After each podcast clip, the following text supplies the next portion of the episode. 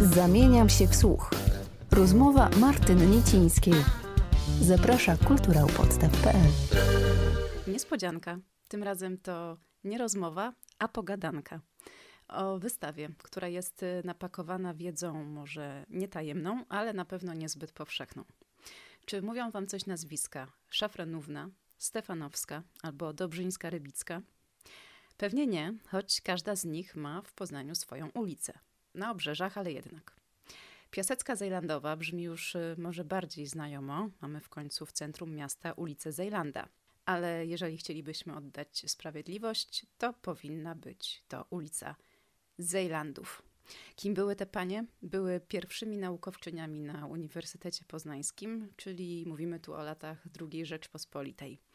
I właśnie im poświęcona jest wystawa w Galerii Śluza w Bramie Poznania. W sumie bohaterek jest 11. Część z nich w Poznaniu kontynuowała kariery naukowe, niektóre dopiero ją zaczynały. Co ciekawe, te, które doktoryzowały się na europejskich uczelniach i po I wojnie światowej wróciły do kraju, musiały ponownie bronić swoich doktoratów na polskich uniwersytetach. Mężczyźni w tym względzie e, mieli podobnie, tu akurat panowała równość płci, ale równy dostęp do nauki dopiero się rozkręcał. W latach 1919-1920 kobiety stanowiły 23% spośród wszystkich osób studiujących na poznańskiej uczelni, a wśród kadry zatrudnionej na stanowiskach profesora i wykładowcy w latach 30. kobiety to zaledwie 3%. Wśród nich była wspomniana na początku Ludwika Dobrzyńska-Rybicka. I to właśnie ona musiała powtórnie bronić swojego doktoratu w Poznaniu, ponieważ tytuł naukowy zdobyła w Zurichu. Habilitowała się w wieku 51 lat, co dało jej w końcu prawo do wykładania. Na uniwersytecie prowadziła zajęcia z historii filozofii, kierowała seminarium socjologicznym. Jej prace należały do pierwszych w Polsce z zakresu socjologii polityki. Taka była Ludwika Dobrzyńska-Rybicka. Jej imieniem nazwano ulicę na poznańskich Podolanach.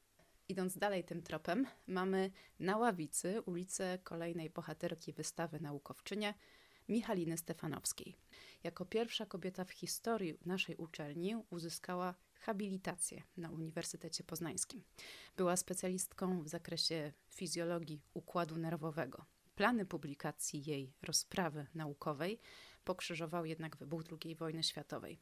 Co straszniejsze, jedyny egzemplarz wyników badań Michaliny Stefanowskiej zaginął w czasie wojny. To może teraz badaczka, która od początku swoją karierę naukową budowała w Poznaniu. Helena Szafranówna długo musiała czekać na spełnienie swoich marzeń o wyższym wykształceniu. Przytoczę krótkie wyjaśnienie. Pochodziła z ubogiej rodziny i musiała pracować w zakładzie szewskim swojego ojca, by opłacić już wtedy czesne w szkole średniej. Gdy ojciec podupadł na zdrowiu, podjęła pracę zarobkową, by utrzymać rodzinę. Do nauki wróciła dopiero wtedy, gdy jej siostry mogły same zarabiać na swoje utrzymanie. W 1922 roku, w wieku 34 lat, rozpoczęła studia biologiczne. Chylę czoła. I na koniec Eugenia Piasecka-Zejlandowa, jedna z najwybitniejszych znawczyń bakteriologii gruźlicy w Europie. Razem z mężem, Januszem Zejlandem, tworzyła całkiem zgrany duet naukowy. To było takie power couple, powiedzielibyśmy dzisiaj. Razem prowadzili badania nad szczepionką przeciw gruźlicy, która wówczas na całym kontynencie zbierała obfite żniwo. W 28 roku rozpoczęli akcję bezpłatnych szczepień dzieci. Eugenia była odpowiedzialna za produkcję i sprawdzanie szczepionki. Eugenia i Janusz Zejlandowie są patronami Wielkopolskiego Centrum Pulmonologii i Torakochirurgii, ale ulicę w Poznaniu ma tylko Janusz. Po kolejne siedem życiorysów musicie wybrać się do Galerii Śluza, choć byłoby wspaniale, gdyby bogactwo treści z planszy nie zostało po 3 kwietnia zamknięte w magazynie, a upublicznione na przykład w formie PDF na stronie Bramy Poznania. Bo oprócz biografii na wystawie znalazły się informacje o systemie edukacji w II Rzeczpospolitej, emancypacyjnych treściach w gazetach przełomu XIX i XX wieku, czy o prawie kobiet do studiowania w Europie. Jest też piękny i prosty manifest twórczyń wystawy. Profesor Iwona Chmura-Rutkowska i profesor Edyta Głowacka-Sobiech piszą m.in.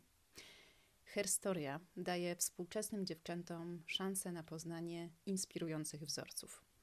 To także ważny impuls dla chłopców, którzy mają szansę zmienić stereotypowy sposób patrzenia na koleżanki i kobiety. I kawałek dalej. Kobiety mają wiele powodów do dumy. Historia kobiet jest źródłem siły. Zamieniam się w słuch. Rozmowy Martyny Niecińskiej. Dostępne na kulturaupodstaw.pl